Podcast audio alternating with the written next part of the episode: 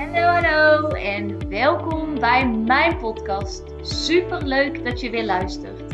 Mijn naam is Bente en ik zie het als mijn missie om mezelf en zoveel mogelijk anderen te helpen naar hun droomleven. In deze podcast heb ik het over hoe je een succesmindset ontwikkelt, wat de wet van aantrekking is, hoe je deze voor je laat werken en hoe jij stappen kunt zetten richting jouw droomleven. Laat jij mij jou inspireren en ga jij mee op reis van persoonlijke ontwikkeling? Let's go Dio! Hallo, hallo en welkom bij weer een nieuwe podcast. Ik loop uh, in het pikken donker, lekker buiten. het is vijf over zeven. En uh, ik heb er voor mijn idee al de hele ochtend op zitten. Afgewassen, warm ontbijtje gemaakt, een eitje gebakken, gestreken. Ja, dat. Maar um, nu ben ik dus lekker even aan het, aan het wandelen. Ik zeg lekker, maar ik had eigenlijk helemaal geen zin. Maar ik weet gewoon, als ik nu even lekker ga wandelen, dan heb ik gewoon die tijd voor mezelf al gehad. En dan voelt de rest van de dag gewoon veel relaxter. Maar goed, waar ik het dus vandaag met jullie over wil hebben is behandelen. Over het behandelen van kinderen als minderen of als mensen. Want ik kijk veel om me heen natuurlijk. Ik werk zelf met kinderen. En wat ik om me heen heel veel zie gebeuren, is dat als maatschappij, dat het een soort van genormaliseerd is, dat wij kinderen als minderen behandelen. En in deze podcast wil ik graag hebben hoe ik er naar kijk. En hoe ik denk dat wij onze communicatie met kinderen mega kunnen verbeteren. Hoe wij onze omgang met kinderen mega kunnen verbeteren. En waar ik denk van, ja, daar ligt nog een punt waar wij als maatschappij, dus niet per se als ouders individueel ook, maar vooral ook als maatschappij, in kunnen groeien. Want ik geloof namelijk als volgt: je wordt als ziel bij ouders geboren. En ja, vanaf dat moment ben je een mens eigenlijk hier op aarde. En in scholen en in opvoeding wordt heel vaak gezegd van ja, we moeten kinderen opvoeden. En um, ja, zo eigenlijk. Oftewel, kinderen hebben ons nodig, kinderen moeten bij ons zijn. Uh, terwijl ik geloof dat het in feite meer zo is. De eerste jaren van het leven zijn kinderen inderdaad echt hulpbehoevend. En daarna ben je een soort begeleider. Je begeleidt ze. Dus um, ja, je kunt alles willen bepalen. Dat werkt niet, maar je bent er voor ze als er iets met ze is. Kunnen ze bij jou terecht, kunnen ze jou om hulp vragen. Je begeleidt ze, je helpt ze. Maar het kind is geen verlengstuk van jou.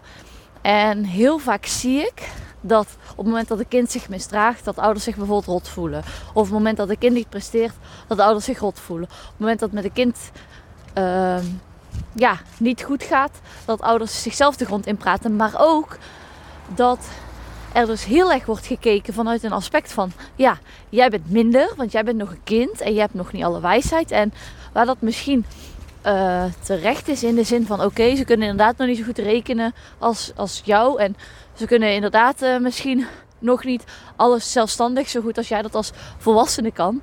Maar ik denk dat het uitgangspunt zou moeten zijn het kind is een mens, jij is een mens.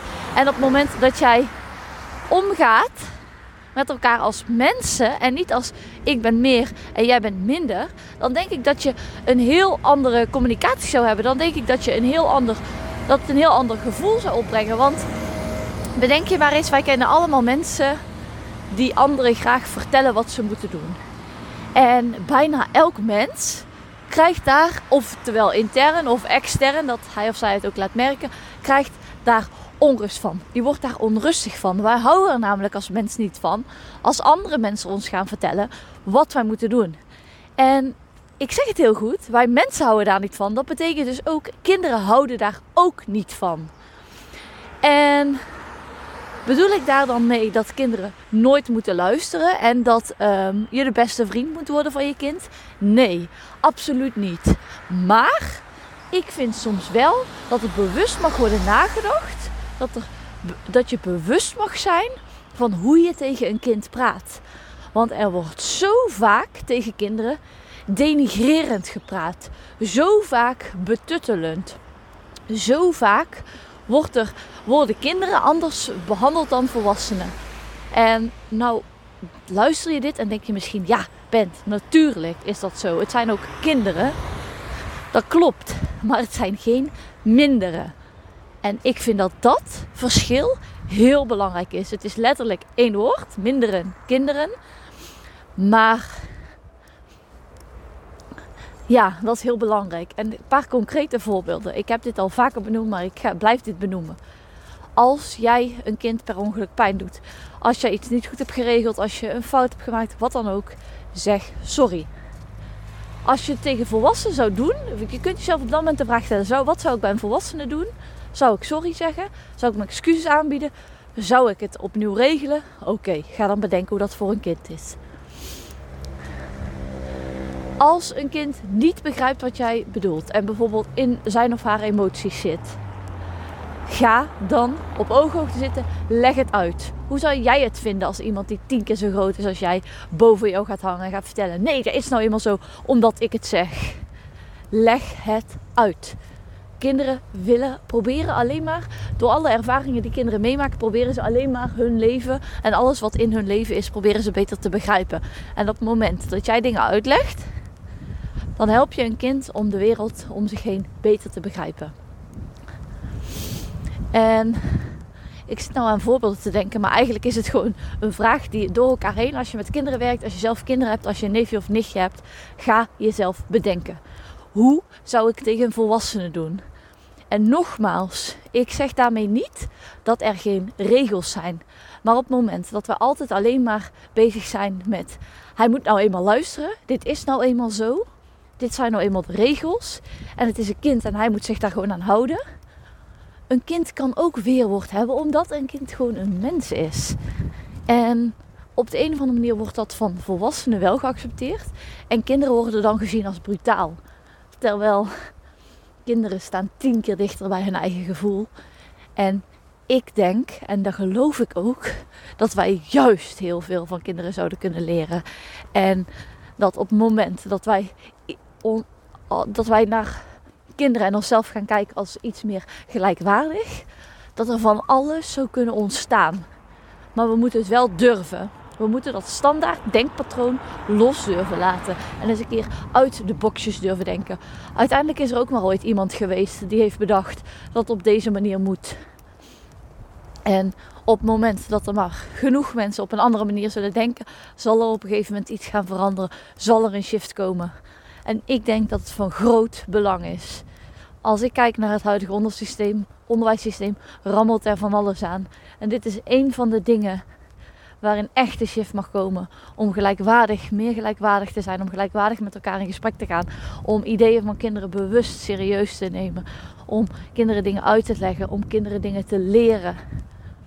Want ja, dat, dat vind ik soms zo tegenstrijdig. Dat we enerzijds ja, verwachten van jonge kinderen bijvoorbeeld dat ze rustig met hun emoties om kunnen gaan. En dat we zeggen, hou nou eens op.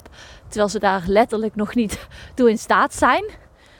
Ehm, en bij bijvoorbeeld, uh, kijk, we verwachten niet van een kind van twee dat hij uh, zelfstandig kan schrijven. We verwachten niet van een kind van vier dat hij of zij zelfstandig kan lezen.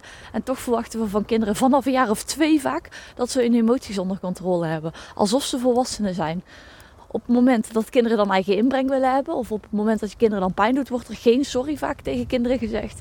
Of um, ja, als ze zichzelf pijn hebben gedaan, moeten ze dat zelf kunnen regelen. Dat vind ik zo de omgekeerde wereld. En dat is dus ook echt mijn boodschap. Behandel ze als kinderen, niet als minderen.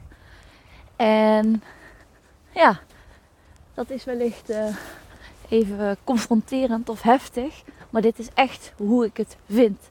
En zeg ik daarmee dat ik dit altijd op deze manier perfect doe? Dat ik ze altijd gelijkwaardig behandel? Nee. Maar ik denk wel dat elke keer als je weer bewust wordt van iets, dan kun je er ook iets mee. En op het moment dat je er bewust wordt, dan ga je steeds vaker met dingen aan de slag. En vanuit daar kunnen dingen weer veranderen. En dat is waartoe ik je eigenlijk wil aanzetten. Om zelf te gaan nadenken, wat klopt voor mij? Wat voelt wel kloppend, wat voelt niet kloppend? En dat te gaan onderzoeken. Want er is niet één waarheid. Daar geloof ik gewoon niet in. Ja, en ik denk dat ik hem daarmee mee wil afsluiten op de maandagochtend. ik vond het super leuk dat je weer hebt geluisterd. En tot de volgende keer. Doei!